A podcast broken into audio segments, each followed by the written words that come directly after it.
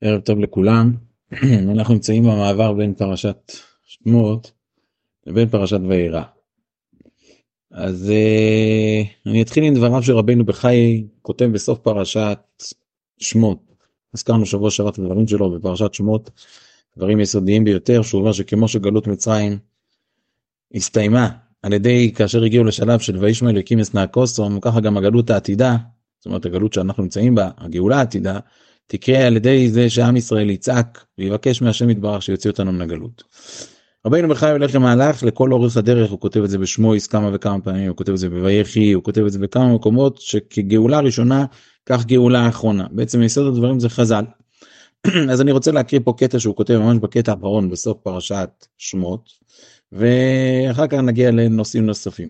ודע כי ענייני הגלות הזה הראשון זאת אומרת גלות מצרים רמז לענייני גלותנו זה האחרון שאנו עומדים בו בשעבוד וייסורים ברשות מלכות ארם. זאת אומרת, ארמי זה אדומים וכולי יש גרסאות לזה אדום ואנו מצפים לישועת השם יתברך כעניין שאמר דוד המלך עליו השלום עניין זה נפשי לשם ישרים לבויקר שרים לבויקר ממתינים וחוזרים וממתינים ואם תתאחר הגאולה לבוא הכל להוסיף לנו שכר טוב ולהיטיב אותנו באחריתנו וכדי להוסיף פורענות ועונש לאותם המשתעבדים בנו. וכשם שמצינו שנדחקה להם השעה לישראל במצרים, מת בו הגואל הראשון לפני פרעה. ואמר לו בדבר השם יתברך שלח את עמי ויחוגו לי במדבר. זאת אומרת בעצם מוישה רבינו בא לפרוי ואומר לו שלח את עמי ויחוגו לי במדבר. ואחרי זאת כבדה עליהם העבודה ונתעוררה עליהם השנאה ונתווספה ביניהם מאוד על מה שהייתה. זאת אומרת המצב נהיה יותר גרוע. כן בגאולתנו זאת העתידה, ביגלות הגואל האחרון תתעורר השנאה בין העכו"ם לישראל ויוסיפו שיעבוד על שעבודם. ויהיה הגואל נגלה וחוזר ונכסה כדי להטעות את העכו"ם ולהקשות את ליבם שכן מצינו בגאולת מצרים שנגלה להם משה וחזר ונכסה מהם. וזהו שדרשו רז"ל ויפגעו את משה ואת אהרון. בעצם המשמעות של הפסוק לא בדיוק מובנת אם משה ואהרון דיבר משה ואהרון היו פה אז מה כתוב בפסוק ויפגעו את משה ואהרון חז"ל דורשים שהיה באמת שלב שמשה רבינו התכסה מהציבור. וזהו שדרשו רז"ל ויפגעו את משה ואת אהרון, אמר, אחר שישה חודשים להגלה הקדוש ברוך הוא במדיין, ואמר לו לך שוב מצרים. זאת אומרת בעצם מויש רבינו הגיע כביכול פעמיים למצרים, פעם אחת הוא בא ואומר לפרו את המשפט הראשון, ואחר כך הוא חזר למדיין, ואז הקדוש ברוך אמר לו לך שוב מצרימה, בא משה ממדיין ואהרון ממצרים, ופגעו בהם שוטרי ישראל כשהם יוצאים לפני פרעה. זאת אומרת היה מצב שמוישה רבינו כבר בא וכבר אומר לפרוי הנה הנה הנה תוציא את היהודים אבל פתאום המצב נסוג ולא רק שהמצב נסוג המצב נהיה יותר גרוע. וכן דרשו במדרש חזית אומר רבינו בחי דומה דודי לצבי מה צבי זה הוא נראה ונכסה וחוזר ונראה זאת אומרת אתה רואה את הצבי פתאום הוא נעלם לך פתאום אתה מוצא אותו מפינה אחרת כך גואל הראשון נראה להם וחזר ונכסה מהם וחזר ונראה להם. וכמה נכסה מהם? רבי תנחום אומר שלושה חודשים. אדם דכתיב ויפגעו את משה ואת אהרון, זה מה שאמרנו קודם, שלושה חודשים מויש רבינו כביכול נעלם מכלל ישראל. רבי דבר רבי אומר לקרייסין, כלומר לשון פגיעה לפרקיני.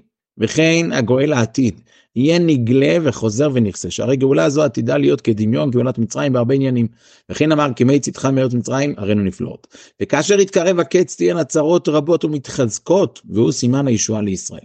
זאת אומרת אדרבה המצב הזה שיש צרות רבות ומתחזקות זה הסימן שגאולה מגיעה וכן אמרו במדרש כי יבוא כאן נהר צר רוח השם נוססה בו אומרים חז"ל אם ראית דור שצרות רבות באות עליו כנהר חכה לו שנאמר כי יבוא כאן נהר צר רוח השם נוססה בו וסמיך לי יבוא לציון גוי ללשום מפשע מיעקב נאום השם ככה מסיים רבנו בחיי את פרשת שמות. עכשיו צריכים לדעת את, ה, את הנקודה הזו שבעצם הקשיים שקורים לפני שמגיעים לישועה הם חלק מהתהליך. ואני רוצה להקריא דברים גם כן שהזרע שמשון גם כן בסוף פרשת שמות שהם פשוט דברים שהם כילורים לעיניים וזה תשובה על הרבה שאלות. הרבה אנשים שואלים את עצמם מה אתה אומר? יהיה גאולה בעזרת השם בסדר יהיה ניסים יהיה נפלאות. אבל יש הרבה אנשים שסבלו בגלות יש הרבה אנשים ש, שמתו בגלות יש הרבה אנשים שרחמנא ליצלן אה, עברו מה שעברו בגלות. איך איך איך יהיה איך יהיה תשלום על, על, הדוב, על הדבר הזה. אז ב, בתשובה פשוטה מה שכתוב בספרים שהקדוש ברוך הוא יחיה את כל מי, שנ... כל מי שמת ואז הוא כאילו יראו את הנקמה בגויים ככה כתוב בכמה וכמה מקומות. אבל רבינו בחי זרע שמשון מסביר פה כזה מהלך אז הוא אומר ככה המדרש אומר רב עקיבא אומר יודע אני שספך להציל אבל מה תעשה באותם שנתונים בבניין? זאת אומרת כביכול הקדוש ברוך אומר מוישה רבינו אומר לריבונו שלם ריבונו שלם אתה בסדר אתה תציל את היהודים בסוף אבל בינתיים לוקחים פה ילדים ושמים אותם בבניין. מה יהיה איתם? מה יהיה איתם? איך הם יבשו. אז הוא שואל ככה שואל על זרע שמשון לפי דעת המדרש מה זו תשובה שמשיב לה הקדוש ברוך הוא מיד תחילת הפרשה שלנו ויאמר אליו ואני השם ופירש רש"י נאמן לשלם שכר טוב למתהלכים לפניי ומה תירוץ הוא זה? משה רבנו שאל שאלה על אלו שנמצאים בבניין והקדוש ברוך אומר לו אני השם. שאלה מספר 2 ועוד קשה שמויש טענת מוישה רבנו הייתה לומר שאפילו עם קושי השעבוד ראוי לבוא עליהם אבל הקדוש ברוך הוא היה צריך לעשות את זה לפני שהוא שלח את מוישה רבינו ואז כאילו בעצם מוישה רבינו בא להושיע את עם ישראל עם ישראל מתלונן עליו אה, למה עשית ככה ולמה הריעות על העם הזה ודתן ועבירם אומרים אשר יבשתם את ריחנו. שאלה שלישית אז בעצם יש פה תלונה למוישה רבינו רבינו עכשיו בסדר גם אם צריך להיות צרות תעשה את הצרות לפני שאני מגיע וכשאני אבוא מה שנקרא לשטח מוכן כבר. שאלה שלישית רש"י העריך אני השם תחילת הפרשה שלנו אני השם נאמן לפרה וכילדו את שם השם כשהוא אומר צדיקים מצוות ושמרתם נאמן לשלם שכר מה זה קשור לפסוק. בסיום דבריו של הקדוש ברוך הוא אני קורא את הליבה של הדברים לכן אמור לבני ישראל אני השם ופירש רש"י נאמן בהבטחתי קשה כנ"ל מה זה תשובה לאלו שנמצאים תחת הבניין. אומר רבינו בעל הזרע שמשון ויש לומר לפי שהרוב מישראל לא היו רוצים לצאת זאת אומרת חלק גדול מעם ישראל רחמנא ליצלן לא רצה לצאת מן הגלות. כמו שאמרו ז"ל על פסוק וחמושים עלו אחד מחמישה יצאו וידוע שהעולם נידון אחר רובו ולפי זה פשוט לא היה אפשרות טכנית לא היה אפשר לגאול את ישראל לפי שהרוב לא היו ראויים לגאולה ואף המיעוט עצמו אף על פי שהיו רוצים לצאת לא היה בידם זכות כדאי להיגאל ולא נגאלו אל בזכות האמונה כדי להיסב במדרש. ועיקר הגאולה הייתה תביעת המצרים בים כנכסיב היו איש השם ויהי ההוא כמו שכסם סיומטף עכשיו כל זה התביעה של, של המצרים בים נגרמה דווקא כתוצאה מזה שהגויים המצרים גרמו לישראל למערכת ילדיהם בבניין. למה? לפי שהיו שרי האומות מקטרגים ואומרים תושיע את ישראל ואל תאבד את המצרים. זאת אומרת כאילו בסדר אתה רוצה להוציא להציל את היהודים תציל את היהודים אבל למה לאבד את המצרים. בא גבריאל טס גבריאל ושמט לבינה ותינוק מאותם שהתמחו והביא את זה כמו שכתוב בילקוט על פסוק כי גוגה אז זאת אומרת בעצם כל האופציה לעשות קריאס ימסו והמכה של המצרים עד הסוף זה נגרם דווקא כתוצאה מאלו ששמו אותם בין באבנים בין השורות הבניין ומעתה. קודם שילך משה לישראל עדיין לא ידע שום זכות לישראל אפילו המיעוט שבהם.